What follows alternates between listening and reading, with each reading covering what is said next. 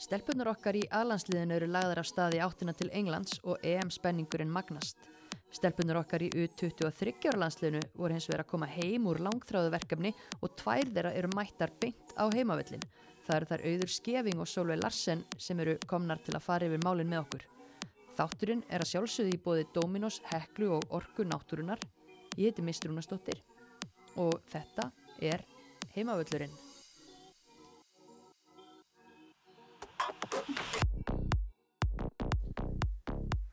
Jæja, velkomnar stelpur, hvað segir gott? bara allt ljómandi Bara geggjuð sko. Já. Ferskar eftir eh, ferðalagið?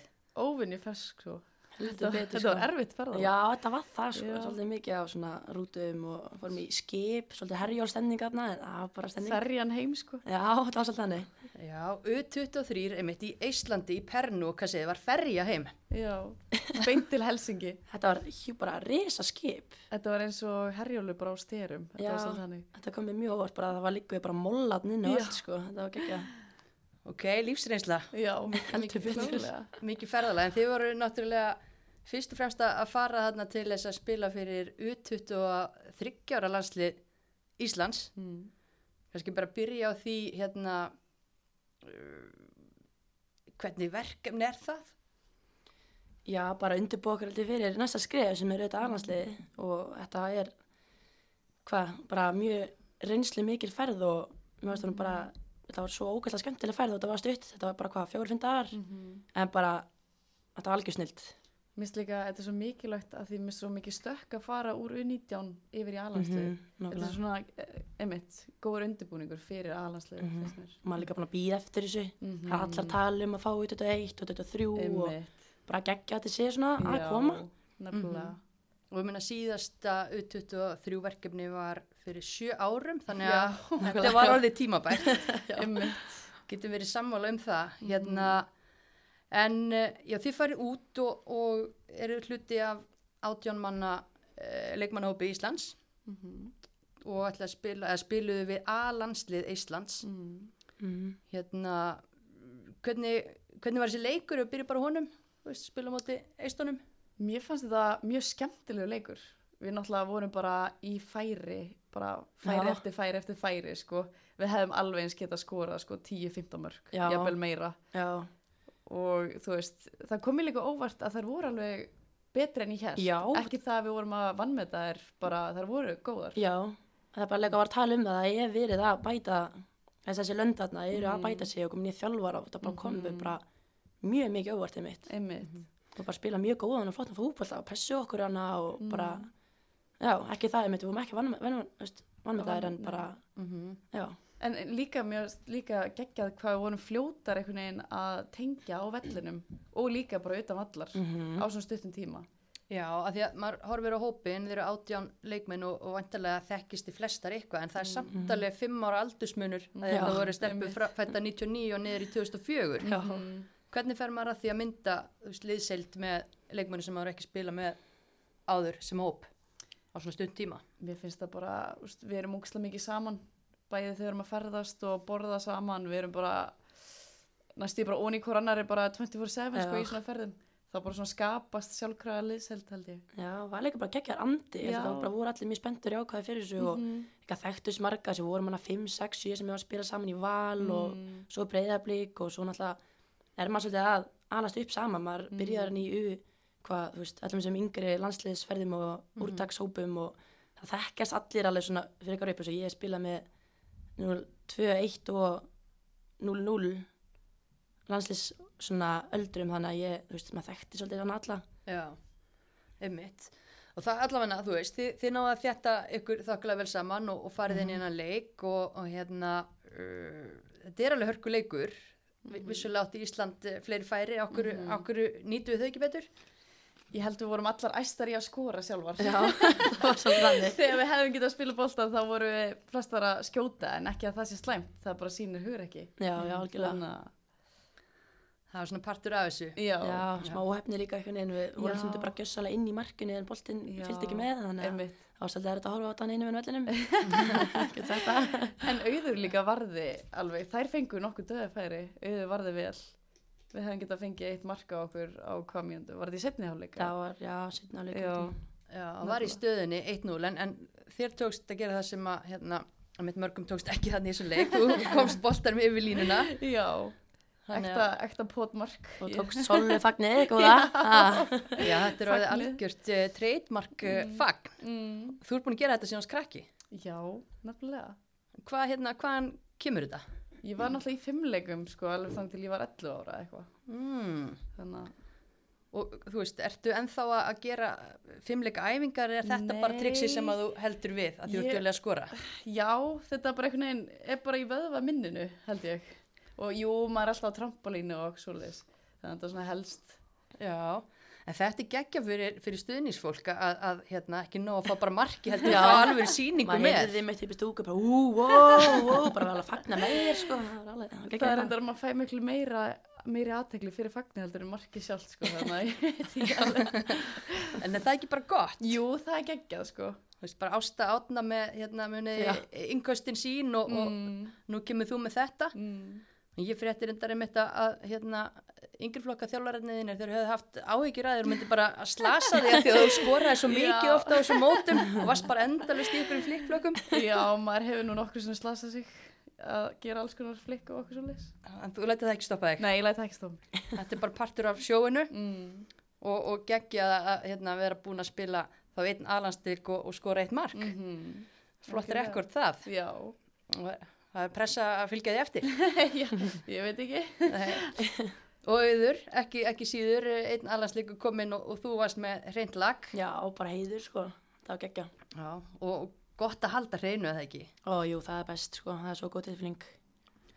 Já, en hérna, eins og segið, þú veist, þetta er verkefni sem er mikilvægt fyrir hann aldur. Ég var eitthvað að kíkja hérna á ksi.is og vissulega hefur COVID haft áhrif, en meina auður þú er 20 árinu, Sólið 22 og Sólið spila síðast landsleik 2019 með U19 og auður 2020 með U19. Þannig að, þú veist, einmitt, þú veist, það þarf að brúa þetta bil. Mm, algjörlega, sko. og ég menna þið eru ekkit einar í þessari stöðu þetta eru átján leikmenn sem að hérna, eru þarna og með þess að tvær sem er að koma inn í, í fyrsta landslýsverkefni hafa ekki spilað yngri landsleik Mm Komið bara vel, mjög vel inn í þetta og Mhm. bara, það var eins og það hefði alltaf verið hana, sko. Einmitt. Já, mjög vel inn í þetta. Gíða og, og Unnur Dóra á, á Selfossi og, og það sýnir manni líka bara að, að við erum að toppa á, á misjöfnum tíma og annað og, og maður er ekkert búin að missa lestinu þó maður ná ekki úlingalandsleik Nei, Nei, nefnilega ekki. Þetta sýnir mig bara að, þú veist, maður á aldrei að hætta og, og líka bara, þú veist, þetta U23, þetta gefur, þú veist, ég, mér persónulega, þetta gefur mér kraft, skilur, til þess að halda áfram. Mm Mhm. Þannig að, Það hefur einmitt verið svolítið talað um það að þú veist að leikmenn svona sem eru kannski í U19 og, og sjá ekki fram á að kannski næstu þú veist, 2, 3, 4 árin að, að það sé að fara detta inn í annarsliða Já. það vantar kannski svona einhverja Já, gulróti eða eitthvað. Mhm, og, og þannig er allavega stór gulróta biti komin myndi maður halda. Já, Mhm, algjörlega. vonandi helst þetta líka bara áfram með, þú veist, maður, maður heyrði eitthvað að það var mjög erfitt að fá leik, Mhm. þannig að vonandi í framtíðinni muna fleiri lið vilja spila mót okkur og svo þetta haldi áfram og gefi fleiri stelpum, fullt af stelpum sem getur verið sem hóp líka, þannig að vonandi gefi þetta bara, gefi þetta þeim bara auka kraft. Mhm. Mhm. og það er náttúrulega út 21 keppni hjá köllunum Mm. en, en það hefur ekkit verið fyrir þennan aldursflokk hvort sem eru 21 eða 23 hérna kvennamegin uh, og þið verið að spila við alanslið Mhm. þú veist, þið hefði getað verið að spila mögulega við 23 en það er kannski bara ekki hlaupið að því að fá þessa leiki en haldið þetta hljóti ekki að vera í skoðun hjá Júfa Jú, ég vona það hlýtur að vera, sko, hlýtur að vera. En ég er bara ókslega ána með KSC að, þú veist, að fjárfesta í þessari ferð fyrir okkur. Mm -hmm. Mér finnst það bara geggjað. Það var alveg til fyrirmynda, sko. Já, algjörlega og bara já svo ótrúlega lang, langþráð og, og þetta er já, stóra flottur hópi, hópur Jörgundur Áki sem var með, já, vantarlega ykkur báður í 19 á sínum tíma já, og þekki í maður vel. 17. já. hann, hann stýrir þessu Mhm. Þorstein Haldursson eh, náttúrulega undirbúa sig fyrir, fyrir EM hvernig, hérna, hvernig þjálfari er Jöri Hann er ákveðin maður, það er ekki sagt, en hann er líka mjög mi- mikill hérna, húmor í honum og bara geggja þjálfari. Hann er alltaf svona mjög ákveðin og nær til okkur allra og, Mhm.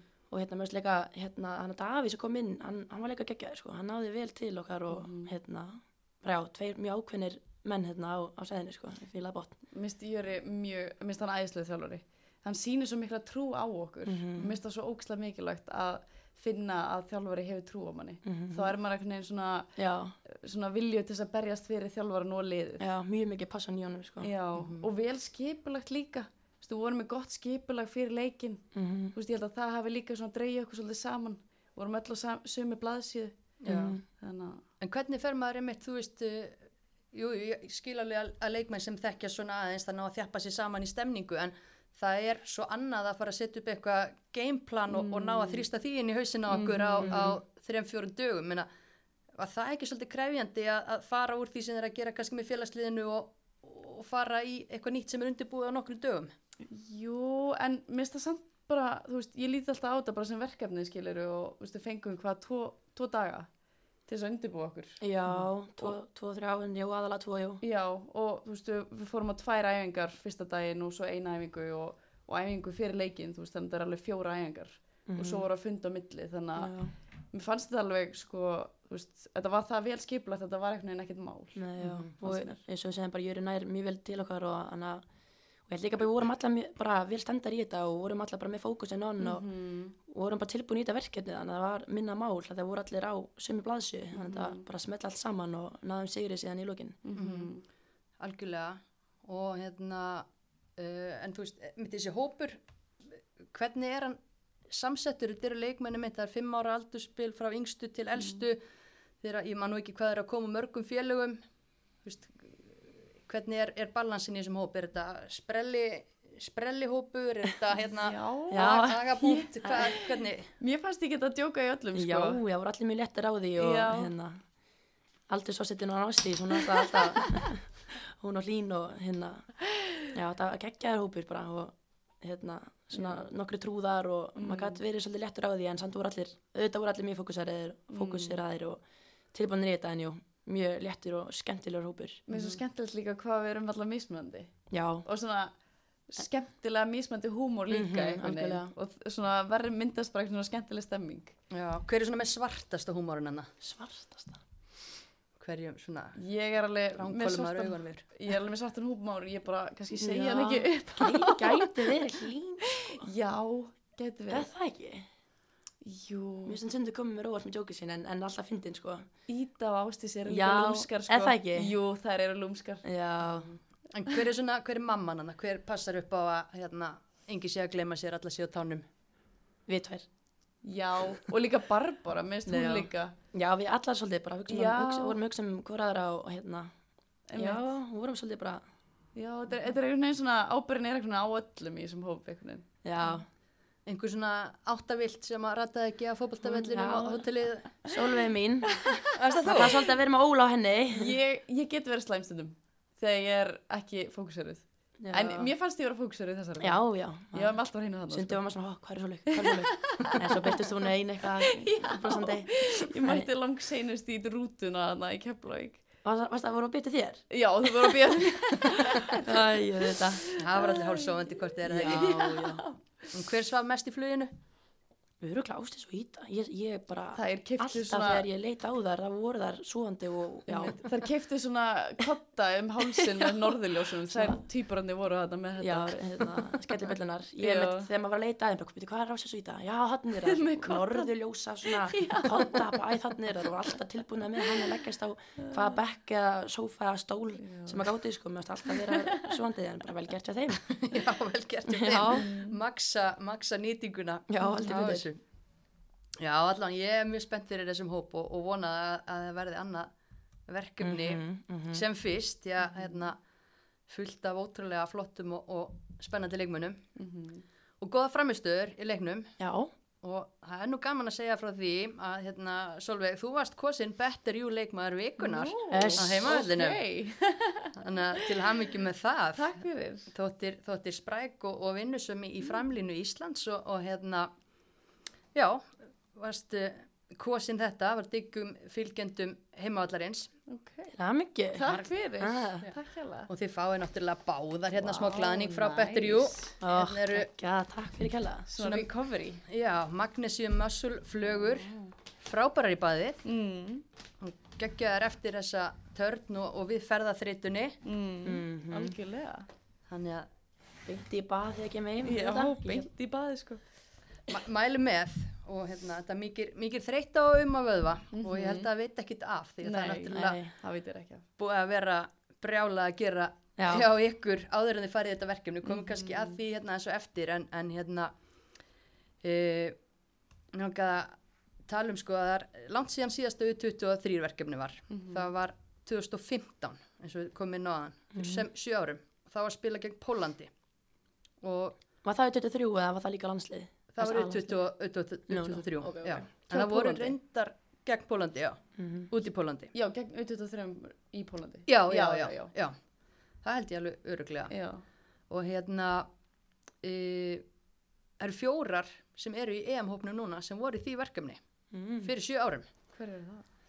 það er nefnilega góð spurning ég ætla nefnilega að hérna, henda á ykkur Dominos spurningu af því að við erum hérna í bóði Dominos að sjálfsögðu og hérna kannski áður en ég henda á ykkur spurningun ég er ekki að fara að láta ykkur pikka út hvað fjórar þetta voru það er erfitt sko Ok, ok. ég vil léttu með dagins en samt Ég krefandi gæti samt alveg giskað. Já, ég með nokkru auðvitað sko. Já. ok, áður ekki skið Mm. hver er go to Dominos pizzan ykkar eftir sigurleik Herru, hérna á augnablikinu þá er það meat and cheese. Hún Ok. er svolítið, mér finnst hún svolítið góð sko. Annars klikkar margarítaðin ekki ekki. Solid bara Já, ég held að meat and cheese, ég myndi segja það. Allan að núna í dag. Já. Solveig Ég fekk mér ykkur á vegan pítsu sem var alveg eðisleg. já, ána með það Mm -hmm. vegan, hérna, vegan pizzunar og Dominos og nú er allir botnanir orðni vegan sem er fyrst Já, mér Við snill stiðjum það. Já, Ég stið það. bara frábært, þú getur fengið meat and cheese með. Já, vegan ég pröfa botni það kannski næsta og pröfa það eftir leik. Já, Halda, halda hotlistinni við. já, já, gera það en hérna, Dominos spurning er tengd hérna þessum uh, leik úr 23 fyrir 7 árum Ísland vann þennan leik 3-1 Katrín Áspjúsdóttir skoraði þriðja mark Íslands hver skoraði fyrir tvö sá leikmaður er eina af þessum fjórum sem er Sko, á EM Eða á leiðinni á skora EM. hann tvennu. hún skoraði tvennu, já Ok, sko. Hvað? Það getur verið Elimetta, Já. getur verið, hvað, Aglamarja? Nei, ég held hún sé á vung. Eða? Já, Já, 2015. það gleymist, hún er náttúrulega- var ekki fermt þá Já, Já. reyndar. Hún var Það gleymist. Hvað er hún? 90, Hún er 99. já, Elimetta, hún er 95 95 held ég. þannig að hún var 20 ára. Já, hún Ég er er svolítið. nokkuð sem þetta hafi verið Já, var það ekki? Jú. Að það er bara hárið Er það ekki? Já, getur ekki annað verið, sko. vel gert og þið hefur náttúrulega báða að spila með henni Já, það er leikmaður með marka nef mhm, heldur betur. og hérna hvað hérna þið voru, sagðist, hérna, geta giska á hvaða fjóra þetta hefur verið. Ég get sagt ykkur að eina af þeim var eldri leikmaður. Það mátti ykkur eldri vera í síðasta verkefni. En hún er hérna kollegi þinn. Stendur á milli stangana. Já, Sandra. Já, Já, var, já, þú meinar. Sandra Var hún þar? var þarna. Hún tók fyrir áleikin og, og Sonny Lára setni, sko. Nú. Já, ok. Þannig að þær voru hana, Sandra, Elimetta, tværi viðbót. Hverja dettur ykkur í hug? Sko, Það eru báðar jafngamlar Elimettu, ég gef ykkur vísbendingu. 95, hver eru 95? og Eru eru, varnamenn? eru í EM-hófnum. Er ég um hópnum núna, Ein- er- einn er varnamaður. Hvað er glóóttir? Guðrún Arnar, er hún ekki 95? Negla, Ah, hárið, gert. konum með þrjá, ykkur vantar eina. Og Sóknarmæður? Já. Svafa? Ding, ding, hárið, Ah, þið eru Svafa, alveg með Mín kona. í- í peski þarna. Vel gert, Hvað þessar fóði pítsu í velun? Já, sjálfsög. Það er að vera pizza í baðinu. Vegan og, já, heldur betur. Vá, nice. Vegan og meat and cheese með vikabotni. Mm. Já, það er bara algjör veisla, sko. Og hérna, en þær eru, já, þær eru farnar út á EM, þessar fjórar og, og fleiri til. Og, Drottningar. og hérna, fóru í, já, morgun eða gær eftir hvenar fólk hlustar á Já, þennan já, þátt, já. eftir hvenar hann kemur, kemur hérna út. Hversu spenntar eru þið fyrir EM? ég er ógæslega spennt. Ég held ég hef aldrei verið jafn spennt fyrir einu móti. Já, sko. ég er líka, núna því ég þekkja hópi meira, þá finnst mér þetta Mm. ekstra spennandi og ég er meira svona, já, og hérna, ég er líka sjálf að fara að út með fjölinni, þannig að ég er Mm. ekstra spennt, myndi ég segja, að fara að horfa á þetta live. Akkurat, fljúu út með fjölunni, kannski fyrir þau sem ekki vita, þá ert þú náttúrulega svolítið tengd. Já, smá, getur sagt Læstu það. sjálfara Íslands, hvernig, hvernig þekkir þú steina? Herði, þetta er kærasti móðu minnar, Brynju. Þau er búin að vera saman í, vil ég gíska hversu mörg ár þau er búin að vera saman? Er það næsta dominarspurning? Já, ég, hérna, já, ég legg það undir. Herru, sjö ár. Ég segi tíu. Æ, ég er búin að segja þeir eru Nei, þú varst ekki bara að segja mér, ég var bara að giska. Vá, vel gert. Fólk nefnilega gíska alltaf bara á fimm ára, Aha. fjögur. Ok, var En þetta já, rétt? það er bara, já, þú fær veganpítsu á morgun bara. Næs, vá. Það er áratugur komin. Já, Þau fagnar því sko. svo áfram á, á EM og hvað sér, þú ert að fara út þá með mömmuðinni og, og Já, þetta er að fara að vera heldur betur stór hópur, sko. Þetta er sagt blanda af minni fjölskyldu og steina. Þannig að hann er að fara að taka, sagt, hann á þrjú börn Já. og ég held að vera öll aðna og, og batta batt steina mm, og makar og sýsti mín og mamma og hvort það sé mamma steina líka þess að við erum að fara að vera bara hana tíu, ellu ég, sko. Þannig að já, ég er mjög spenntið því að vera þarna með þeim og þetta er geggið, hérna, geggið fjölskylda. já. Erst þú að fara líka, Sólveig? Nei, ég var bara í sjónvarpinu, eða ég ætla að horfa á sjónvarpinu, sko. Takk til TV. Þú flýgur út í, í 16 liðuslitum eða gengur vel. Já, klárlega. En hérna, já, talandum EM, þú veist, stelpuna fóru út uh, mjög vel klættar frá toppið til táar, Já. sáu þið dressin. Já, það, það var geggjað, sko. heldur betur, já, töffar er í þessu, sko. Já. Já, virkilega vel gert og, og, hérna, og við ætlum að tala eins um EM og gera það í samstarfi við Orku Náttúrunar uh, sem eru gengið til við heimavöllin, vilja stegja umfjöllunum, knaspinu kvenna, Geggjað. við fögnum því. Mhm. uh, og bara kannski áður en við byrjum, þá langar mig og hérna, okkur heimavöllum að hvetja bara öll til að kynna sér hvað fyrirtæki hefur að bjóða. Af því að við getum ju öll valið okkur raforku sala og ef að já, ég mæli með því að fólk kíkja á on.is skoði bara alla topp þjónustuna sem er í bóði hjá orku náttúrunar og því að það er núl vesena að færa viðskiptin sín þanga ef að, ef að fólki hugnast það. Og hérna líka benda hlustundum á að tjekka á mikið breyttu og uppfærðu on-appi búið að bæta við frábæra nýjungum þar til dæmis hægt að greiða fyrir hlæðslu með því að skanna QR-kóða í appinu hægt að bæði stýra og fylgjast með hlæðslunni sem er í gangi og hérna bara sjá ítalett yfirleitt yfir alla notkun og hérna svo náttúrulega mjög flott kort yfir allar hlæðslustöðvar on á landinu og þetta er bara brota brot af því sem er í bóði og tjekkið á on-appinu Ert þú með on-appið, Solveig? Ég sá hvernig bíl þú komst Já. rúlandi hér á Ég kom á rammarspíl, nei, ég þarf að adda í. Er það ekki? Þú varst líka að segja mér að væri orkustöð hérna hjá Varmá. Já, það, sem er ég svona hverfa hlæðsla Já. einmitt, í þverholtinu í Mosó Einmitt, 600 metrum frá Varmárvelli já.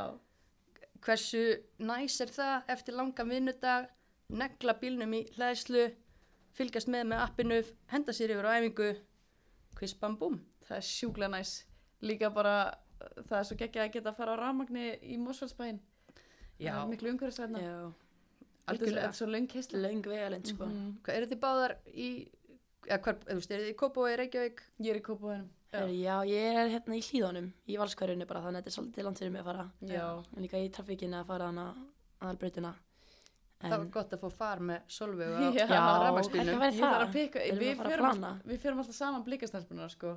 Já, Uh, já, blikastelpunar sem er að lána núna. Já. Já. Það Við pikkum þig upp. Já. pikkið hann upp en Mhm.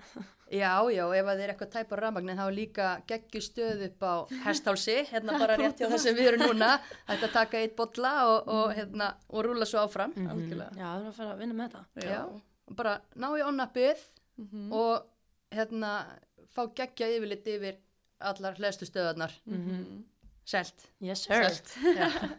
Og auðvitað viljum við vera umhverfisvæn svolítið þú veist nú að segja mér að, þú hérna leggur nú mikil, mikla áherslu á það Já, algjörlega. Ég er að, ég er að starfa sem umhverfisfylltrú hjá vinnuskóla Kópavós. Já, Þannig að ég pæli mikið í þessum málum. það er bara, já, geggjað og er, hérna, er ungviðið meðvitað Já, alveg óvinni mikið stundum. mm. Ég er að halda fyrirlustara fyrir krakka og, og sumir náttúrulega, þú veist, sumir eru alveg á byrjarreit en svo eru aðrir bara, við erum farin bara komin í pólitík og bara mista svo geggjað. það er æðislegt. Mhm. það er geggjað og kynir appið fyrir, fyrir krökkunum. En hérna, já, með EM þið eru báðar ógíslega peppaðar Mhm. og eina fara og eina ætlar að sitja límt yfir sjónvarpinu. Allavega þangat nú Skal verður það, það æst hún á eftir að hérna, redda sér út Já. bara Já, er engar á getur ekki ekki tekur fyrsta leik í sjónvarpinu og svo bara, Mhm. það er ekki hægt hérna já, hópurinn farin út, það byrja í Pólandi taka æfingaleik Mhm. kannski einhverjar sömu úr pólska liðinu og spiluðu 2015, Já, getur verið. hver veit. En hvað haldið þið að, að, hérna, að gerist í þessum pólandsleik? Erum við ekki að fara að sjá bara sterkasta liðan steina? Það held ég. Jú, er það ekki. Líklegt. Jú. Nema hann, hann skilur, þú veist, leifi öllum að spila þokkulega mikið til þess að sjá, eða bara til þess að svona hýta flesta upp. Já. Mm. Já, hann lítur að starta bara besta liðin sinu og, Já. og jú, örugglega skipti svo ekkert um hann í áleika eða eitthvað. Mm Haldið allir meilum. Um mitt, maður er, já, ég er allan mjög spennt. Það er búið svona umræðum, þú veist, ákveðna stöður og einhverja búin að vera meittar og einhverja er að koma tilbaka og, og svona nokkuð spurningamerki þó að manni já. finnist stein alltaf svona, veist, hann veit náttúrulega nákvæmlega hvað hann er að gera en Já, maður svona að reyna, reyna að giska á það, maður getur ekki alveg giska á maður, maður veit ekki alveg stöðuna á mannskapnum, sko. Mm. En það fór allan allar út og það hljóta allar að vera bara on. Það er líka mjög spennandi að sjá hvernig hann ræða þessu upp og veist, það er svona partur, ekki bara úslitin, heldur líka bara hvernig líði verður og Mm Já. og eru þið, þú veist, bjarsina fyrir riðlinum, þetta er náttúrulega hörku riðil, tvö lið sem eru röngu á svipum stað og Ísland, Ítalía og, og hérna Belgia og svo frakkarnir náttúrulega sem eru mjög hátt á heimslistanum. Mhm, Já. ég held að þetta verði mjög krefjandi Já. en, en ég hef samt byllandi trú á okkur sko, klárlega. Það maður standa okkur rosa vel Já. og hérna, erum, ég held að við munum koma á vart. Já, ég held að Ég, líka. ég ekki, ég hef engar áhugur, sko. Við erum líka, úst, flestar þeirra eru bara að spila í bestu félagslegum í heimi. Já. Þú veist, þannig að við ættum ekkert að vera síðri heldur en önnur lönd finnst mér. Nei, nokkulega. Nei, mitt, svo er þetta bara, þú veist, það komið úr til leikin, þetta er bara úslita leikir og Já. það má ekkert, ekkert klikka að vera alltaf gangu upp Já, eitt leikur einu bara. Já. akkurat eitt leikur í einu. Og hérna, risa fréttir af hérna, Sörbjörg Já. sem bárust um helgina, hún er bara mætt til Juventus. Ítalíu bara. Það er hjút. Það er hjúts, hvað hérna, þú veist, Juventus náttúrulega bara langsterkasta liðið á Ítalíu hefur verið lengi, Mm. áskrifendur í, í meistaradildinni líku við, er þetta ekki bara helviti gott skref Jú. fyrir Gekkja líka okkar bara konu? fyrir hérna aðra, aðra fótballtastelpur á að líta Mhm. upp til hennar og bara reyna að fytta sér hennar spór með árunum. Mm Mm -hmm. Mér finnst líka geggja bara í Ítalíu, þetta er ótrúlega skemmtileg upplifun og Mhm. að búa þarna. Mm, Stórborg líka. Já, upplifa menninguna sem atvinnumann, atvinnumanneskja úti í Ítalíu. Hún er búin að prófa Svíþjóð og, og. Þískaland, rúla því upp og, og hérna. Það var bara spurningið mitt hvaða deild hún fær í og maður var svona búin að heyra orðróminn Mm. svona hann hækkaði og hækkaði og svo kom bara staðfest hvað á, lögdægin eða Mm Það Nei, var man mjög ekki. í Já, ég man, voru við ekki úti þegar við sjáum þetta? Jú, við vorum úti þegar við sáum þetta. Já, það var ekkert með fyrir helgi bara. Mhm. og þá er það allavega að koma á hreint og kannski gott fyrir hana líka bara að, að klára þessi mál, heyrði ykkur viðtalega steini yfir henni því fólk er forvitið og hún hefði ekki fengið frið. Nákvæmlega áreitið bara. einmitt. En já, hún er bara geggja fyrirmynd og bara geggja hjá henni. Mhm. þá er gaman bara, einmitt að ennþá fleiri ástæðar til að fylgjast með ítalska Nákvæmlega. við eigum nú fulltrúa þar fyrir þannig að það er bara íslensk innrás á, á Ítalju Nákvæmlega. fylgum það alveg. Um, en hérna já, þú veist, hvað haldið ég menna þið segist vera bjarsínar fyrir EM, hversu langt haldið að Ísland geti farið, þú veist, ef allt gengur upp bara í slanda að geta sko, ef, ef að fókusinn og baratan á sér hérna, á sér stað, þá held ég bara geta komist heldur betur langt sko. Það er svo erfitt að segja þegar maður er bara, þetta er allt bara óvisa. Mm, veist, ma maður er spennt að sjá fyrsta leikin og sjá hvernig það mun fara og þú veist, þá getur maður að fara að svona spá um hversu langt. já, einmitt, sjá kannski er hann Póllandsleik líka Já, já, líka það. já, en hvað hérna, hvernig er, var spennustíð hjá Steina þegar þú kvættir hann fyrir ferðina já, ég var náttúrulega út, úti sjálf sko. Já. Já. Nei, ég var þetta komin heim. Ég var allan ekki heima, hvernig að segja það. En hérna, mamma sagði allan að hann var svolítið þreyttur og hann sopnaði í sófunum og eitthvað. en hérna, nei, hann var bara mjög spenntur og hérna, á, hvað segir maður, á landferðalag fyrir höndum sér. já, þetta er alveg, þú veist, einmitt, þið talið um hérna hálfgett Eurotrip, eitthvað ferja og, og flug og rútur og hitt og þetta Þetta var burtið frá öllum í hvað mánuð. Þau fara mm. til, til Pólans í verkefni og fara þess ekki bara beint út. Jú, svo Þískaland, æfingabúðir og, Já, og svo England Já, já. þetta verður, þetta Stórt verkefni. það verður smá brekka en ég held að það þetta bara eins og, já, fyrir, fyrirmyndinar sem það eru. Hefur þið meika mánuð með þessu U23 liði? Já, Já, auðvitað verður maður þreyttur en þú veist, þetta er samt svo bara gaman Já, þetta er líka svo miklu karakterar svo ég Mhm. talandi um þetta allanslið mm -hmm. það eru svo ekkert karakterar og það eru vanar að vera saman og Mhm. við erum bara svo við erum að tala um á hann sem að, að hérna, það þekkjast eru allar svolítið frá svona yngra landsliðum og hafa verið ykkur félagsliðum saman þannig að þetta er þessi ég verið í svona hóp áður með þeim og þetta var bara, mér leiðist þetta var bara ég veit ekki, bara bestu vingurum minnar einhvern veginn Mm Einmitt, þú hefur verið hérna svolítið tengt hópnum og hefur æft með þeim og farið í ferð með þeim eða ekki Jú, við fórum í tvö verkefni mm Hvað, þú veist, hvernig hvernig er bara munurinn til dæmis að fara af, úr yngri landslýshóp og inn í þetta? Það er alltaf bara gríðarlega munur þetta að, hérna, að spila með þessum professional leikmennum, það eru allar bara mest allar allar í hérna, atvinnmennsku og bara já, maður getur rétt, maður getur rétt ímynd eitthvað bara hvernig gæðin voru, það var bara styrla sko. Það er erfitt fyrir ungar leikmann að fara þann inn? Já, auðvitað, þetta var hérna, hérna smá brekka eða svona, eða ég kom inn í verkefnið svolítið meitt, svolítið ónýtti bakinu þannig að ég gætt lítið gerst þannig séð, en hérna bara geggjað og bara andursótt þannig að í hóttum var bara, já, til fyrirmyndar bara, þetta var mjög gaman. Já, já, og þú treystir þessum konum til þess að Já, gefa okkur stolt já, í, já, í, já, í sumar. Yngar ágjör Við náttúrulega fórum að því við vorum að láni þá fórum við á æfingu með nokkrum Já, í bara fyrir hvað, tveimur tvei vikum eða vikum, já, eitthvað það var fyrir valsleikin að við móttum ekki spila hann. Já. En þeir eru lánsmenn frá valan, við, já, við fórum á eina æfingu með hvað, Dæni Brynjar, Söru Björk já. Karoli og og Sessu Og Sessu Hún og var, það var Glódísi svolítið gaman að segja frá því hún var hérna spilað sem útileikmaður í spilinu sko. hún, er Sessa? Já. hún ætlaði að koma, koma tilbaka eftir hérna brotið hérna í puttanum. Mhm. þannig að mjög gaman að sjá hann að vera hann hlýpandi um og en hún er, hún er góð sko. Hún Er það? Já, hún er, hún er nei, Hún leynir á sér, það leynir það, við markminninir það leynir svo mikið á okkar markminnir sko, við, erum já, geggjað sko. Við reyndar töpum, ég sess og Karolega já, Voruð þið saman í liði? Já, við vorum samanlega mótið Söru Björk, Glódísi og Dæni En ég tók eftir því að, þú veist, þótt þetta væri bara svona, þú veist, þrýra mótið þremur þá tók það þessu bara eins og þú væri bara að keppa alvöru Mhm, leik, skilur við mhm. Og- Hver var að stýra æfingunni? á steini. Já. ég fór með þetta aðræðingu með þeim sko og Mhm. það fórum við á lögatarsvöllin sem var alltaf bara það er svo gaman að vera hann sko. Mhm, og gagja viður og svona. En já, Steini og Ási hérna sáum þetta. Einmitt. Og hvað sér, þrjár og þrjár og það er samt bara ekki Já, gefin það er bara ekki- millimetri eftir. Engin engin afslættir sko. Það er bara gessalega bara eins og þessi úslitaleikur mhm. Og ég held að það sé svolítið það sem að hefur komið um svona langt. Mm. Þannig að þetta voru þið bara að brasa í aðdraganda hérna, valsleiksins. mhm. Mm. Já. Þannig að við hefum stóran þátt ef við vinnum þetta. Já, já, já, allt okkar að þakka heldum við- heldum við fórum við Heldum í formi, sko. Og gáðu þið ekki hérna, einhver svona góð, góð ráð, eitthvað í veganesti? Jó, jú, ég tók alveg ræðina sko. Geggjað. En já, ég menna þetta lítið þá að vera eitthvað sem að þið eru að stefna á. auðvitað. Algjörlega. Frá að mér var bara, frá að maður byrjaði í fólkla Mhm. Og hvenar byrjiði í fótbolta?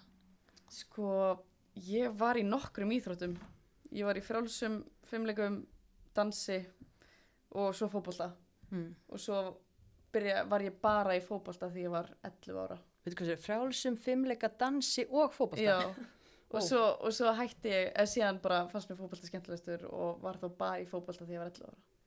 Ok, 11 ára mætt. það En er þú? svolítið seint sko Já, já, ég byrjaði mjög seint sko, ég var alltaf bara á sparkvöllunum bara með strákunum í já, skólanum. Þannig að mér leiði eins og ég væri búin að æfa í nokkur ár. Ég er endar hyrði einmitt fyndna sögu af frá einmitt gömlega þjálfara, ég spjallaði Rapsson um daginn, þjálfaði breðablík, Já. hérna, það var eitthvað stelpa hann eitthvað svona sem kom á æfingu einmitt tíu ára eða eitthvað og, og hérna mætir á einu æfingu og, Mm. og það er leikur síðar í vikunni Mm. og það er akkurat eitt pláss í, séliðinu Mm. og svo mætir þessi stelpa sem bara búin að mæta leiku við einu æfingu beint í séliðið og skorar tíu mörk í þremur, þremur leikjum og þjálfarinn bara hann sagði ég aldrei skammast mín jafn mikið að vera svo bara ég var einhver algjör asni að mæta með svindkonu til að rústa hérna séliðakefninni og hérna hann er að þú lést að Rafsson ekki líta vel út þegar hann valdi þið hérna í séliðið eftir þetta. Ég leta hann finna fyrir. Því. Já, ennum mitt beint í, beint í aðliðið og, og hérna varst þar bara. Já, ég man að stelpunar í aðleginu voru ekki sáttar það voru bara hvað er stelpur séli að koma og... nýpið Já, Já, en, en já, síðan eru það bara bestu vinkunum mínar og okkur gekk bara vel þannig að- Mhm. Og því meina að þú lítur að vera það með einhver ofur íþróttagen, fyrsta, hérna, góði í söllu. mamma, hún, hún er frjálsíðatakona sko hún er Mm. mjög hröð og pappi pappi er það líka þótt hann haldi það ekki sko þannig að ég er alveg heppin með ekki en Ok, og svo náttúrulega var ég alltaf bara í fótbolta þótt ég var ekki að æfa þú veist, æfa íþjórtuna var ég alltaf bara á sparkvillinum og að halda á lofti og eitthvað svona já, stríða strákunum og næs. En hvað, hérna, með þig, hvernig byrjað þú? Já, ég byrjaði sumari sem ég var sjö ára. Ég var einmitt hérna ballerína mm. hjá mömmu. Herði ég mamma henni með ballettskóla? Já, ballettskólu Eddu Skeving. Ég mælaði mikið með honum. Já, Þótt að ég kannski átti ekki, átti ekki alveg heima í, í, í hérna, þeirri hérna, íþrótt. ég sé það ekki alveg fyrir Nei. mér, ég verða við ekki En það. ég held samt alveg að það við hjálpa mér, sérstaklega Já. með markmanns hérna, já, ta- taktana sko. ég held sko ég hafi verið að æfa hjá henni Já, já, guð, mamma er alltaf að segja mér frá fleiri fyrir stelpum sem voru hjá henni. já, ég er nokkuð vissum Já, það sko já, pottet, hún minnur Mm. mm. segja mér reyma núna eftir að hérna, þú varst hjá henni sko. Mm. En já, ég var, ég var hjá henni alveg fram að 11-12 ára þá getur ég bara, já, mamma, nú, hérna, segi, segi stopp. Eða þess að ég svona, var svolítið að gera þetta bara fyrir hana. Mm. Var hún, var hún byrjuð. Nei, nei, hún skildi að hún sá alveg hvað ég átti ekki alveg heima í þessu sko. En hérna, en já, þannig að þá var ég bara í fótballa og hérna, e- e- eins og svolítið segja, þá var ég líka svolítið bara svona alltaf í fótballa með pappa. Pappi var alltaf, hérna, það var ekkert eitthvað á okkur saka, hérna, professional leveli en það var mjög lengi í fótballa og endaði sem í ykkur bumbibólta þegar hún til að nýjan hans gaf sig og þannig, og svo náttúrulega afi, hérna, var sjálfur gamall landsins og káir, bara mistari. Þannig að það er nefnilega, já, hann er Heimur Guðjónsson þannig hérna já, ég, það mætti segja að ég kannski fá hérna markmannskinni frá honum er, þetta er aldrei skondi sko, því að ég heyrði eitthvað kenningum daginn sko, því ég var líka í marki, Mm, ekki, ok. ekki sérstaklega góð í marki, en afi minn var vist mjög góð í marki, að þú veist, markmannsgenin erfast svona Já. aðra hvora kynslu. Já, og það er svolítið þannig. Er þetta ekki eitthvað til, að- til að rannsaka? jú, ég meit sko gaman að segja frá því að fyrsti svona markmannsustn þegar maður var yngri eitthvað fymtaflokki kannski yngri og þá var maður í bjöliðinu svona eitthvað og svona skiptast á bara við í markinu.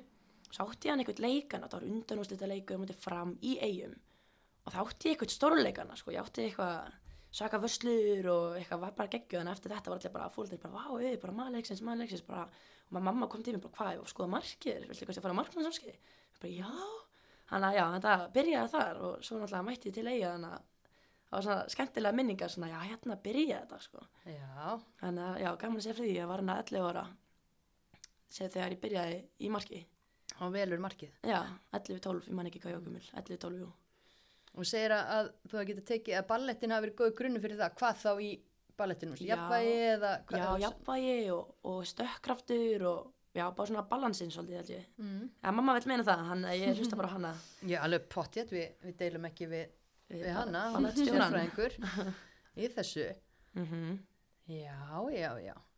Ok, þannig að þú velur markið um 11 ára, þú ferð að æfa rétt fyrir 11 ára Já. og hérna, Hann að byrja þetta, já, hann að byrja þetta sko En- En, þú veist, hvernig voru yngri flokkarnir hjá okkur? Ég er ógislega heppin að hafa verið með Daða Rapsson sem yngri flokka, eh, sem fyrsta þjálfara minn. Það var ógislega gaman í fymta flokki, símamótið og pæjumótið og allt það. Mm. Og svo var ég bara, þarna, græsótastarfi í bregðarleika bara mjög gott. Þú varst í fyrsta augnabliksliðinu, eða ekki, eftir að Mhm. hafa stofnað? Jú, emmitt, hvað, 2015? Og okkur gekk ógislega vel, við vorum næstu komnar bara upp í Pepsi-deildina, sko. við bara töpum einhverjum ústileik á móti Grindavík.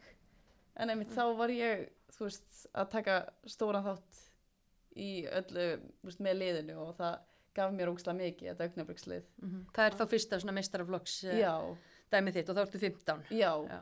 Og þetta er bara eins og með 23, þetta er svo stórt stökk að fara, veist, úr bara, veist, þriðja flokki yfir í meistaraflokk, þannig að Mhm. þetta er svona gott, svona góðu millivegur. Já, um mitt, þetta er frábært verkefni og búið að vera náttúrulega bara lengi í, í gangi og þú ert uppalinn valsari, það var, var sko, hvað var áður en að KH kom, hvað hétt var að liðið sem að var einhvern tímann sko, sko, ég held að var alltaf bara KH. það var KH Já, kannski minn líka það já. kom og svo hætti það, og svo komið hún aftur eitthvað í fyrra, heiti fyrra. Já, já, já, Já, þetta, hann þetta var sko, síðan ég veit ekki af hverju það hætti. nei En já, hann að það gleði ekki af þér, nei, hérna, góða fréttir að hérna, það kom aftur. að það sé að gera mjög mikið fyrir val Mhm. En tókst þú eitthvað þátt í því? Nei, ég hef aldrei, ég held að það var svolítið fyrir minn tíma annað fyrst, held ég Þetta rennur allt saman í hausnum og ég er bara eitthvað að reyna að muna hérna. ég held að þetta var alveg svolítið, svolítið síðan sko Já, þú hefur verið ung, en þú varst svolítið að spila með strákum að það ekki? Jú, að segja fyrir því að ég hérna, var reykjaugumistari með þurru kalla. Það er svolítið merkilegt. Já, skemmtilegt að ég að þannig metali sko, það var alveg styrlað Já, var það ekkert erfitt eða, eða þú veist, auðvitað var erfitt, en var það ekkert svona, hvað maður að segja, skeri eða svona Öðruvísi? öðruvísi að að spila með, með strákunum sko þessu aldurstíi? Jú, jú, jú, ég er líka mann sko, ég æfiði aldrei með þeim, ég spilaði bara. Ég, var, hérna, ég, ég gleymi ekki fyrst skipti sem ég var að mæta hann inn í klefan eitthvað og þjálfur var að tala og ég sat hann og bara eitthvað ógæst að lítið í mér en, en ég var mjög heppin að ég þekkti þarna eitthvað þrjá gutta sem var með mér í grunnskóla, í Beck. Þannig ég lindi mig svolítið bara við hérna þá eða hann og hérna hann tók mig svolítið undir vangin bara og hérna og svo er ég bara, ég er svo ófeimin, ég var ekkert lengi að hérna að, að kynast þeim hana og hérna og bara ondir góði vinni mínir. Og Já. bara, bara alltaf þakklátt fyrir þetta, það gerði alltaf gerði, það gerði mikið fyrir mig sko, það var svona svolítið svona ego-bústa líka aðteklin eftir þetta og svona, það var svolítið, það var mjög gaman sko. Mhm, en á þessum tíma var maður svolítið mikið notaðar í hvað ég var ég alltaf að spila með þriðja og öðrum. Þannig að þriðja kalla og öðrum. En ég menna það var bara geggja held að það var svolítið hjálpa mér bara að spila svolítið mikið já, en ég meina, ok, þínir eigin liðsfélagar, strákarnir tókuðu vel, en hvernig, hvað með anstæðingana? Hvernig fannst þeim að, hérna, já, var þetta stelpa í marki hjá anstæðingunum? hérna, það var svolítið hlegið. Ok, og ég man oft þegar ég á bara kannski að labba framhjá ég á kannski að labba með strákunum og freyta upp og löpum svona framhjá skílinu eða eitthvað þannig. Þá sér, maður finnur bara fyrir öllum augunum á þér og stundum finn, segir maður eitthvað, ég er eitthvað fliss og bara eitthvað, "Ö, það er stelpa í markinu bara eitthvað svona, það er típiski svona hvað er gamlir, það sem aldrei fjö- 14 15, 16, já, 14, já, já, 16. 15, þú veist svona og ég hló bara að sig sko. Fyrst fannst mér þetta svolítið óþægilegt að því að bara svona það voru bara öll auga á manni. Mhm. en síðan fannst mér þetta bara geggja því að svo kom, komu hotspinnur og svona og það átti að dekka mig. Og þeir stóðu svona meter frá mér og svo var kannski fyrirliðina sem var bara, gaur, dekka hana? Og þeir bara, já, þú veist og svo bara svona frissi og bara svona stóðu kannski stóðu bara svona hliðin á mér þá mér varst það bara geggja, sko, þið þorðum alltaf snerta mig og já, þetta var bara geggja og ég ætla að þakka fyrir þetta, sko. Það var, var, þetta var geggjuð reynsla, sko og Ég- upplifin Já, ég, ég fekk líka að hefa með strákum í breyðablík Já, og ég man á eldra ári í fymtaflokki þá var ég að spila móti held ég fylki kalla með aðliðinu og, og ég man að ég eitthvað sólaði eitthvað að stráka og þá var eitthvað pappin í hinnu liðinu sem var alveg brjálar Já. Og bara öskraði bara ekki láta stelpun og sólaði bara já, og var alveg bara takja boltan af henni já, og, svo þegar ég man í klúraði döðfari ég bara, ég fekk martraðar sko. En þá meint var svona þú veist, þá fann maður að þú veist, þau voru, þeir voru ánæðir að stelpan hafi klúrað sko. Að það kom mér þessi fréttinar og allt, það var einhver grein sem að sem eitt stóðskilur ekki láta stelpun að sóla þig og okkur svo mm. En spáið í bara viðhorfum, þú veist, ég meina Já. þetta, tímanni hljóta nú að vera að breytast Já. og, og ég meina þið búin að fara í gegnum þetta, það er það bara aðra stelpur sem sjá það að, að þetta er í lægi, aðri strákar sem sjá það líka, að þetta, og eða þá pappanir á, á hliðalínunni eða hvers sem það er, ég meina, ég vona að stelpur sem er að spila með strákum í dag þurfu ekki að upplifa uppgótur eða einhver svona mm. fáralega glósur hérna það er nú 2022 Einmitt, maður er nú samt alltaf hissa þegar maður lítur á hva, hvaða ári er og hvað er að Já, gerast reyndar, hér og það er þar í heiminum en, en þetta er líka bara, þú veist, það er svo lítill munur á þessum aldri. Þú veist, það er ekkit komin þessi þross, eða veist, þessi kynjamunur mm þú veist, á þessum aldri, það er ekki eins og þeir sé eitthvað mikið fljótari eða sterkari þegar maður er svona ungur. Já, já, einmitt. Og allir, eða öll viljum við bara verkefni við hæfi náttúrulega og, og þú veist þannig að það er bara það er bara mjög mjög fínt og, og gaman að heyra þetta og fyndi að heyra að strákarnir hafa ekki þórað í þig. Já þetta var svolítið fyndið, sko, ég hlóð svolítið mikið á þessu, sko. Já, og bara líka oft bara svona, ég, ég maður kannski ég átti eitthvað vöslu eða komist í boltar undan stráknum þá svona, voru þeir alltaf að drulla yfir, yfir þá, þú veist, strákin mm bara, eitthvað, stelpa markinu, maður geta betur eitthvað svona, Já. og mér fannst það svo gaman mér fannst það gaman að þessu, sko. Maður fann að þeir tóku það nærri sér en maður var betri heldur en strákunir Já, sko. og líka þú veist, hérna, veist, strákinu voru, þeir voru svo ánæðir, sko, þeir alveg bara knúsið mig, að svona, voru alveg, voru algjörða dúlli, sko, það, það var mjög gaman, sko. Já, nákvæmlega. Þetta er, þetta er gaman og einmitt, þú stendur uppi sem hérna, Reykjavíkumeistari með mm þriðaflokki kalla. Það var einmitt úsleita leikur þegar við unnum. Og voru allir að rífa sig úr treyjunni og hristanni og ég stóð hana bara hvað lappaði bara með hausinn niður og á grasi. Bara, ég, er, ég er ekki að fara úr henni. Ég skal bara fagna með ykkur. Einmitt, já, og fjöxt svolítið hérna aðduglið það ekki einmitt eftir þetta Já. svo nefnir, var eitthvað að skrifa um þetta og, og svona. Já, það var líka, það var eitthvað kynversk sjómarpsstöð sem var í valsemilinu þennan dag og sá mig í markinu með strákunum og þeir fannst þetta gegn þannig að Ok. þeir höfðu samband við mig og voru að gera þátt um þetta þeir komi heim til mín bara í daginn og eða, voru alveg bara að plana þetta og komi heim til mín og taka vitur um mömmu og fóru með mér á æfingu þetta var alveg saka það er svo- það er svolítið erfitt að horfa þetta eftir alltaf Hvar getum við Solveig séð þetta? Ég ætla ekki að segja, ég gæti, að ekki að sagt þetta, sko. sko. var, YouTube og með eitthvað kynvískum þetta já, ég gat, gat alltaf horta á þetta, mér varst þetta svolítið vandrarlegt en ég var líka svona gæl gjaldarinnum en, en í dag ég myndi alveg horfa á þetta aftur sko, ég, það var skemmtilegt. Grafðu upp linkin og við postum honum á heima Já, er það ekki? Leifum, leifum fólki að að tjekka á þessu. Kýmverska sjómastöðun sem gerði þáttum auði skeri. Já, það var, þetta var sakalegt. Já. Var eitthvað sjómastóttur gerðum því? Nei, þetta var ekki svo stórt sko, þetta var bara lítið grein sko.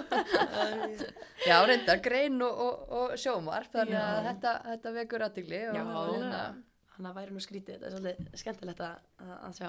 já. Mér það líka svo geggja, maður þurfti virkilega að fara út fyrir þægindaramman. Já, guð. Þú veist, maður var alveg í, bara í keng sko, Já. að þurfa að fara á æfingum í strákum. Ég held að ekki, ég held að veist, að væri, ég held að ekki allir myndu bara geta þetta. Nei, nefnilega ekki sko. bara, veist, það fóru, voru ykkur sem sem pröfu ykkur æfingu og pröfu eitt leik með bílinu og hvort þar hættu eða, Mhm. eða eitthvað ég man ekki Það þarf mikið hugur ekki. já, ég myndi að segja það Það er ekki og, og það er líka bara með þetta góða þjálfara til að halda vel utanum Mhm. um þetta og þú veist ekki einhverja abaketti á, Nei, línunni að að gera þetta erfiðara fyrir börnin sem eru að taka Já, skref sko. þetta var með sko, það vant eða þú veist, á þessum aldri í þriðaflokk kalla val mm. sem er svolítið skrítið sko þegar þeir eru yfirleitt svona fleiri en við þá var engin markmaður á þessum aldri Mm.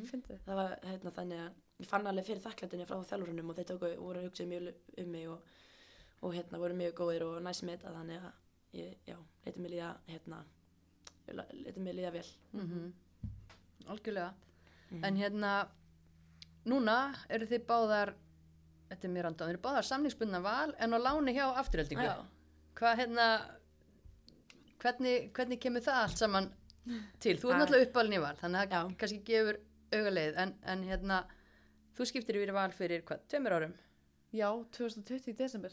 já, Ég náttúrulega, já. hvað og hérna bara, það var mjög óvænt þegar ég sá bara hérna í, í vor undir að sikurinn tímanum að, að þið varu svo komnar yfir í Mosó, var Mhm. stuttur eða langur aðdraðandi að því? Það var mjög stuttur, sérstaklega auðið. En, en, líka hjá mér sko, ég ég kem úr breyðablík stórliði. Mhm. og þú veist og fer yfir í annað stórlið og það er náttúrulega bara veist, það er alltaf mjög mikið samkeppni Mhm. hjá svona liðum og stundum þarf maður bara að fá að njóta sín bara að njóta veist, njóta þess að spila fótbolta án þess að vera með einhverja pressu og samkeppni og, Mhm. og bara, þú veist, við vorum þrjári í minni stöðu og þú veist og já, mér fannst það bara svona rétt ákvörðin og, og ég sé ekki eftir neinum þú veist, mér, þú veist, maður fær einhvern veginn að gera mistökin sem maður þarf að gera Mhm. og Starra hlutverk bara Já, starra Mhm. hlutverk að gefa manni mjög mikið og bara Mhm. svona, já, En þú byrjaði tímbilið með val og varst búin að taka þátt í allana, hvað, tveimur leikjum eða ekki í deildinni? mhm. Já. En hérna, hvernig kom þetta til? Varst þú spurð eða vildið þú, óskaði þú eftir að fara eða? þetta var bara svolítið sameigilegt held ég. Já. Þú veist, bara þrjári sem stöðu og, og náttúrulega ég og Pétur, við vitum bæði bara að ég vil spila, Mm alveg sama hvað. Já. Og þú veist, þetta var bara einhvern veginn að rétta í stöðinni, Mm fannst, fannst okkur. Guðskjöf fyrir mósvellinga sem voru heldur betur búin að líka bara vera í meisla vandra, maður nú bara farin á að gera að því að það er næði ekki lið á, á Mhm. köplum. En svo náttúrulega meisla vandraði ef að ír dettur út og þú Já. bara sjanghæðið inn. ég kvöldið inn hana bara korteri fyrir hérna, hérna gluggan basically en hérna, já það var svolítið skrítið, Pétur sendi á mig hana bara klukkan, hvað var það 11 um kvöldi Mm. og glukkin lokast hana klukkan 12 og hann sendir á mig hann eitthvað, hún, hún er meitt og afturling byður hérna Pétur um beða hann um að senda á mig hvort ég sé til þetta. Mhm. og, hérna, og hann sendir á mig og ég bara, já veistu hvað, já ég, ég er til þetta smá stökk í djúbulina þegar maður er ekki búin að spila í já, ég veit ekki, hálft ár, ég er ekki búin að spila sinni september með IPVAF Mhm. eftir svolítið lungu erfið meðsl Já, ég hef mitt bara held að þú væri bara ekkert að fara að spila í sumar mm því að maður alltaf býtti fréttumæður hvað Mhm. Já, ætlar þeir að gera, búin að vera í já. eigum síðustu tvö tíumbil ekkert heyrist, hún er meitt hversu mikið, hvað hérna varstu Sko. búin að vera að æfa þegar að þú Já, já, já, ég var alveg búin að æfa sko. Þetta var hérna, ef ég fyrir stutt yfir þetta, þetta byrjaði hérna bara í mæ 2021 í eigum. ok, Og hérna, hérna, þetta var svolítið, jó, jó, sumar, að stundum var ég alveg ómöguleg. Stundum var ég fín, gætt pínt mig gegnum þetta og stundum var ég bara útileg maður á æfingum. Svo kom tímabil sem að, hérna, ég var bara góð, fann ekkert fyrir þessu og svo kom, kom þetta aftur og þetta er þess að hæra minn í bakinu, þannig að þú veist, ég var að skutla mér hæra minn, fekk ég hana bara gífulegan sásöka hmm. og bara það var fannst þetta var svakaleg óvisa og ég fóð til læknis og sigulómun og hérna, röngin og allt og þá fannst eitthvað annað meðst sem tengist þessu sem sagt ekkert ok, þannig að ég hérna já það var mikil óvisa og margir klukkutímar eittir í gyminu og hérna já og svo er ég loksinn send hérna ég krefstast bara að komast til bæklanlæknis sem segir mér bara að ég er með bara eitthvað meðslarna sem að hann sér mjög sjaldan bara einu sinni á ári. Ok. Að þess að bólga í ykkur rifbinni eða bara í ykkur rifbinum sem að, já, ítist eitthvað í hryggjarsúluna og hvað þannig þannig að enda því að fá þrjár sterasprutur í þrjá, hérna í þrjú rifbeinana, í þrjá liði bara í einu, áts, já, það var svolítið en hérna, ég var bara búin að vera mjög skynsum og þetta var en þetta var mjög erfitt og tók mikið á vandlega og líka bara fyrsta svona alvarlega miðsli mitt. Mm þannig að þetta var svolítið, þetta tók mikið á og eins og ég segi það var, þetta svolítið mikið stökk í djúbulegina að hérna, kíkja hérna til í Mosó. En bara afturhilding bara geggjað og mér allan að liðir mjög vel og líka bara að komast í gang. -hmm. bara hættur ólega að finna sjálfa mig og er ennþá bara að vinna í þessu og en já, ég er allan að góða sveir en mér líður bara mjög vel í Mosó og tóku heldur betur vel á mót okkur, ég er bara mjög þakklátt og finn líka fyrir þakklætina frá þeim sem að gefa manni líka bara ekobúst og eins og Sólveig segir maður ma má gera mistök og maður má gera þetta og þetta og líka bara fá að spila. Það gerir svo mikið fyrir mann sko. Maður, maður þroskast og lítið að maður fer ekki að spila. Já og í, þú veist, þetta gerir samgætnin mikið fyrir mann en maður verður að fá að spila sérstaklega líka á þessum aldur sem við erum á. Þá verður maður að fá að spila og þá verður maður bara að fara á lán og, og meina það getur, það er bara alltaf challenge og alltaf gaman ég, já, bara mjög þakklátt og mjög spennt hvað hérna hvað kemur næst bara mm, algjörlega, en hvernig er staðan Eva Ír, er hún ekki að verða heil núna er bara samkeppni þá framöndan Já, það er bara mikil samkjæmt næðingum og hún er hérna búin að koma mér mikið óvart. Ég vissi ekki mikið um hana en hún bara hörku góði markmaður sko. Mm Mhm. og bara yndislega manniska. Með bara mjög, mjög gaman með næðingum og, og gaman bara með stelpunum. Já, einmitt. Það hefur svona, já, gengið hefur bara verið erfitt í Mosó í sumar við horfum bara á Já. töfluna.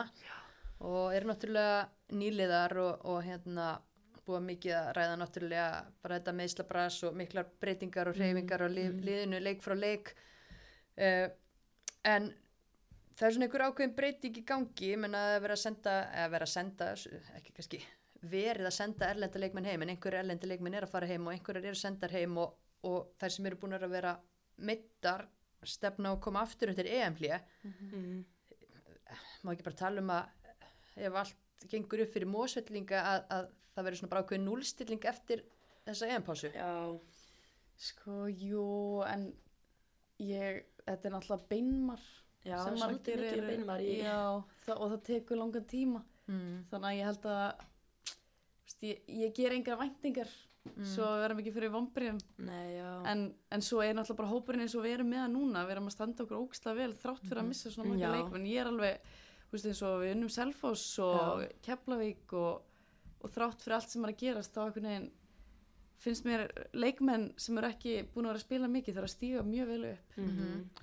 náttúrulega þú veist, hversu mikilvægt á skalanum 1 til 10 varða fyrir ykkur að vinna Selfoss í þessum lokaleik fyrir pásu sko 20 myndi ég að segja Já, það var svolítið gott. mjög mikilvægt. Já, ég meina, þú veist, þið eru þá komnar upp í 60, eru það ennþá neðstar, en, en það eru með Káir fyrir hún eitthvað með sjö og svo Keflavík og Þór Káa með tíu það er Mhm. ekki langt þarna á milli Nei, og svo erum við líka, þú veist, við erum búin að að tapa leikjum sem að, þú veist, hefðu alveg getað, Já, sem við hefðum alveg getað unnið, já, já. DBVF og, þú veist, á móti stjörnunni stóð okkar alveg vel, en það er verðskulduð samt já þetta sigur. dettur sjaldan okkar megin Já. þótt við gefum alltaf helviti góðan leik, myndi ég segja. Nefnilega, við gefum flestum Já. kannski fyrir utan val og breyðarblik Já. svo við töpum 6-1 Já, en, svolítið. en þá finnst mér að við alveg vera mjög samkeppnishæft lið þátt fyrir að Mhm. vera á botninum Mhm, Við erum allar að spila fyrir það sama, bara fyrir að spila fyrir Mosó og það, Já, ég sé bara að segja bara, það er ekki stemningan þótt að sé að ganga erfitt, búin að vera sem að brekka smá hérna meðsla ves, Mhm. en þær eru samt, þú veist, það er ennþá gaman æfingum mhm, og bara yndislega stelpur, mér líði bara svo ég sé búin að vera hana mhm. í tvö ár. Mér líka, eins og að vinna mútið selfossi, mér leið bara eins og ég hef verið að bara að vinna bara eitthvað Bara, úrslita já, bara við sko, bara Já. fögnin inn í Þetta klefa var sko, svo- það var alveg. Líka þegar það er búið að vera að ganga svona brösilega og svo nærmaður, þú veist, einhvern svona áfangaskilið þá er það Mhm. bara, það er svo góð tilfinning Já, mjög, þetta var mjög gott fyrir Já, pásuna. og þú Mhm. veist eins og að vera í stórlegum breyðablík og val, auðvitað er alltaf geggja að vinna en þetta er svona ekstra ekstra sætur sigur sko. Mm. Já, algjörlega og líka bara inn í farin í pásuna, ekki með þrjú stig langt Nei, á eftir þetta er bara, þetta er bara game on. Þetta var svo geggjað sko. Mm. En hvernig, hvað ætlaði að gera í pásunni? Hvað er hérna er, er, er frí eða eru æfingar? Já, hvað, við byrjum að æfa, eftirling byrja að æfa hvað var það, fjörða í 7. Um eða 7. júli við vorum að plana smá deyta hérna, sem að stefnum átt að fara út að skjóta. Sem að vera djúlega að fara út að skjóta. En það er í hérna, æmingaförð já það er, er einhver við ætlum að fara í hana en svo komum við 23 verkefni Það eru úti núna? Já, Já. það eru á spáni. Mm, Er þið búin að feista maður eitthvað? Við langar það eða ekki. Nei, Nei við sjáum búin... allt hva... á snart hvað er að gerast. Við sjáum það á Instagram og svona þannig þannig, maður er svolítið afbrýðsamur og svona næstu Já. búin að fljúa yfir bara til þeirra, Já. maður sér hvað er gaman hjá þeim, en, en eh, já, það er gott að fá líka smá pásu og hérna, Mhm. aðeins að bústa upp. mhm. já, en hvað sér ég, þær eru úti og þið byrjuð svo að æfa með liðinu hana næstu viku þá með það Já, líklega Mhm.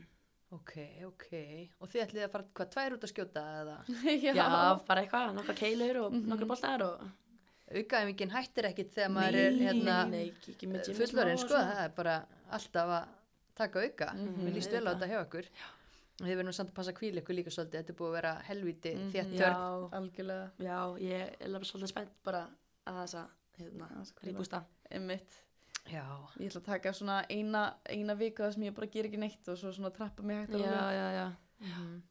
en hvað eru þannig að gera í sumar þú sagði mér að þú varir hérna, hvað heitir þetta nákvæmlega? Umhverfsfulltrúi vinnuskóla Kópavós umhverfis fulltrúi, það var, Já. það var orðið. Já. já. Smáland. Já, er það sumarstarf?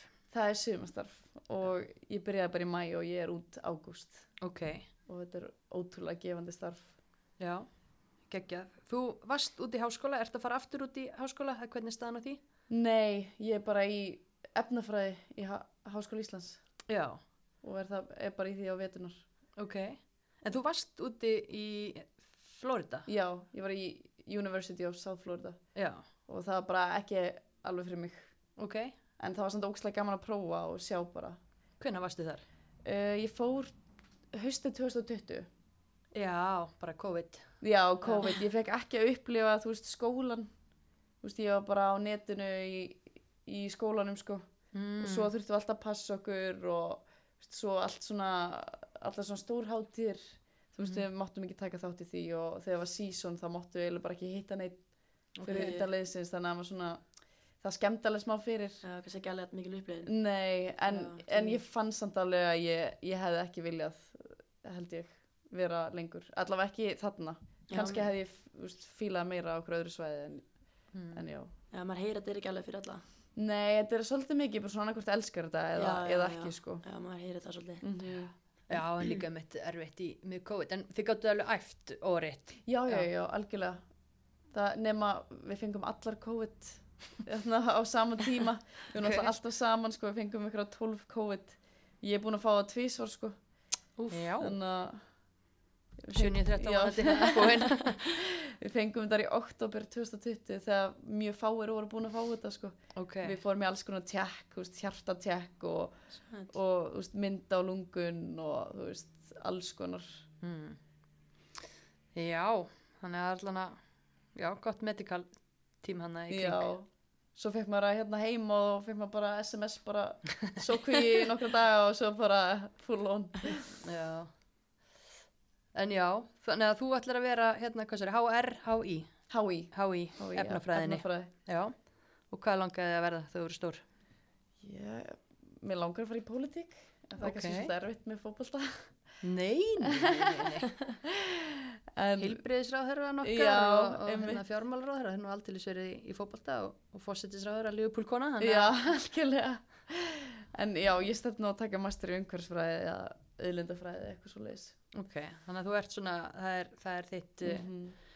passion, umhverfismálin. algjörlega. Ok, það er gott. Mm Mikilvægt að- að unga fólki okkar hafi áhuga á, á þeim málefnum Mhm. og láti gott að sér leiða. -hmm. En þú, Eður, hvað, hvað ert þú að gera? Þú ert ekki að fótbolta. Ég er tiltöðlega ný hætt að vinna sem sagt í, á leikskóla. Mm. var þar í hérna, rúnda ári að tímóni smá svona challenging vinna og hérna ég hérna, þurfti svolítið að hætta bara, það var svolítið mikið. Þannig að núna já er ég svolítið að ég bara hjálpa til hérna hjá hérna kærasta sýstur minnar. Ég, við erum ekki að ræða það, ég ætla að hjálpa hún að vinna eitthvað þannig og svo er ég ekki að pæla, að fara að vinna á eitthvað svo kaffehús eitthvað þannig, bara svona smá létt bara. Já, En annars stefni ég á hérna, skóla í, ég sérst búin að sækja um og komst inn í HR í hérna, Íþjóttafræði ok. og stefni sérst á sjúkaþjálun. Ég ætla að taka sérst, allan að planið er eins og, eins og er að hérna, taka þá þrjóar í Íþjóttafræði og hérna, hérna peka þá upp kannski sjúkaþjálunina. Ég hef mikið náhuga á því og held að minn henda mér mjög vel í framtíðinni. Já, mér líst vel þetta. Mhm. Þetta er líka bullandi, bullandi mikilvægt. Já, En hvað svo, hérna, framaldi, ég meina, bara ykkar metnaður í fótbolta, þú veist, hvað eru næstu markmið tengt fótboltanum?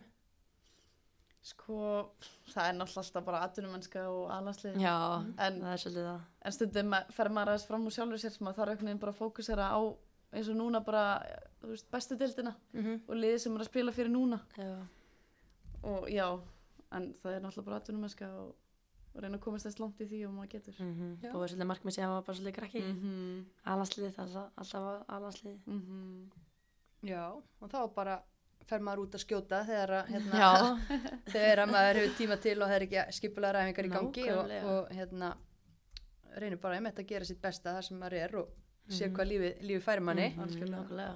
Þannig að ég hlakka allan mjög mikið til að, að fylgjast með ykkur Mhm. búið að vera mjög gaman að fylgjast með ykkur í, í sumar og, og helmingurinn eftir á þessu móti Já, já, nú eftir. Nú eftir. þannig að það verða einhver flikkflökk í viðbóti ekki Ég vonandi. Það verða, og það fle- verða. það verða og fleiri sigrar. Jú, já, já, já. já, já, já, Til að halda okkur uppi. Já, það er vel gert hérna en uh, við endum alltaf alla þætti á mjög mikilvægum lið við Mm. veljum alltaf heklu þáttarins og gerum alltaf í samstarfi við bílaumbóðið heklu uh, fyrsta lagi vil ég hvetja öll til að kíkja á fræðslutorg heklu fara á heklu.is það er þetta að velja upplýsingatorg og svo fræðslutorg það er þar má finna ymsan fróðleik til dæmis hvernig á að tengja upp við rafmagsbíla, alls konar tækni upplýsingar, einhverju punktar sem er gott að hafa í huga við kaupa nýjan bíl. Við hvetjum náttúrulega öll til að skoða annarkvort tæprit eða rafmags, eða ekki? Mm 100%. Heldur viður. Þannig að tjekka á, á fræðsutorki heklu og, og hvað er í bóðið þar. Mm, en heklan er einhver sem er að gera frábæra hluti fyrir fótboltan eða utan fótboltan, svo er bara góð fyrirmynd og hérna mikilvæg í íslensku samfélagi. Mhm. Mm, hún stóð í stóru um helgina eins og þið og hún hefur þjálfað þig, auður. Já, Viltu opinbera fullt nafn og Já. kennitölu? endilega, kenni til og banka upplýsingar líka. Já, já, það, það er hérna, hún Magnús, Magnúsdóttir. Margrét Magnúsdóttir. Nei, já, fyrir ekki, Mag, hvað segi ég? Magnús, já, ég fór svolítið fram að mér hérna. Já, það er hún Margrét, Margrét, Magga Mag. Hvað segi ég, Magnús? Magnús, Magnús. Æ, það er alltaf leik. Hún hlæra, hún hlæra þessu. Já. Hún hlær þessu. Já, já. Margit Magnúsdóttir, já, þjálfari U19 landslís kvenna, hún var úti með U18 um Mhm. Helgina, eða í sístu viku. Já. Við Hittum- flugvöldunum. og Flugum með henni heim. Já. Gaman þetta hana. En hún er búin að vera endalust í þjálfun. Já, ég, Bara- hún svolítið, ég vil eiginlega meina bara hún á svolítið mikið í okkur uppöldnu völsurum sem að hérna erum, þú veist, já þannig, maður, maður hefur svolítið mikið að þakka henni með boltan og já, hún, hvað, ég veit ekki mann ekki sem hvernig hún byrjaði með okkur í sjötta flokka eða eitthvað og var alveg með okkur bara uppa bara fram að hérna þriða flokka eða eitthvað Já. þannig að hérna, já, hún á svolítið mikið hérna, á svolítið mikið í okkur Mm Byrjaði hjá Val um eitt, var í stóru hlutverki, var yfirþjálfari. mm -hmm, Og hva, hvernig, hvernig þjálfari er Magga? hún er ákveðin hérna, og er ekki hrætt að hérna, kalla inn á völlin sem er mjög þægilegt Mm. þegar maður fekk svona síðan annan þjálfari í einhverjum öðru flokk það var svolítið skrítið að hafa ekki möggu á eða fyrir ekki Magnús. Skrítið að hafa ekki ekki hana möggu á, á hérna kanturum að, að öskur okkur aðeins til sem að við fíliðum held ég allar. Og þegar gekk illa þá var hún ekki tveimin að hérna láta okkur sem að það sem að bústa okkur upp í leikin og ég meina ég held að, veist ég ætla bara að segja sjálf, ég held að við rauðum svolítið inn byggurum hérna í yngri flokkum og við höfum alltaf verið svolítið í ykkurum útlita leikum Já, þið voru, voru ansið góðar alltaf strólar hennar möggu, mann, mann eftir ykkur á, á mótum. mm -hmm. Önnum við, hún fór svo að varði yfir þjálfari hjá fylki og var aðeins inn í meistarfloknum þar. Mhm. Var hún komin í fylki þegar þú varst í fylki? Já, hún var á saman tíma þegar ég fór að lán 2020. Já. Kynntust henni eitthvað? Já, ég kynntist henni. Hún er mjög svona, bara mjög þægild að hafa henni í kringum liðið. Mm. Og mér finnst það alveg, hún átti líka stóra þátt í hvað okkur gekk vel þarna. Okkur gekk mjög vel fyrstu fjóra eða fimm leikina sem ég var þarna. Já. Um 2020, já. En síðan tekur hún við U19 landslið kvenna í vor Mhm. og hérna er eina konan sem er landslistjálfari núna hjá KSI. Mhm. Mhm. Þannig að við, við fögnum því en það frábær, frábær þjálfari og, og hún var úti með U18 í tveimur, tveimur leikjum þar. Þið náðu ekki að sjá þá leiki. Ég að- sá eitthvað smá, við vorum að fylgjast með það, var ekki, hérna, þetta voru tvei leikir á móti Finnlandi Já, og fór hvað, töpu 1-0 fyrsta og svo 1 það var ekki, já, það 2-2, jú, sérni. já, já, já. 2-2 setni. Víti bæliðin eða ekki. Mm já, maður sá smá Já, Þannig að hvað haldið að hún sé ekki að gera þokkulega hluti með þetta lið? Ekki Jú. treystinni fyrir þessu? ég, ég held að maður er bara, efst maður, er, maður, er, maður verður heppin ef maður fær að upplifa hana undir hérna, undir stjórn eða svona Mhm. að þjóla mann algjörlega. maður læri mikið af henni, sko Já, kom tíma að hún sé valin heklan, já, að vera í þessu, Algjörlega. gegn- heil gegn henni, lengi hún á og- það, á það skilið gera, Mhm. gera sitt, já. Þannig að Magnús Magnússon hekla, Maggi minn Heklan. heklan Maggi.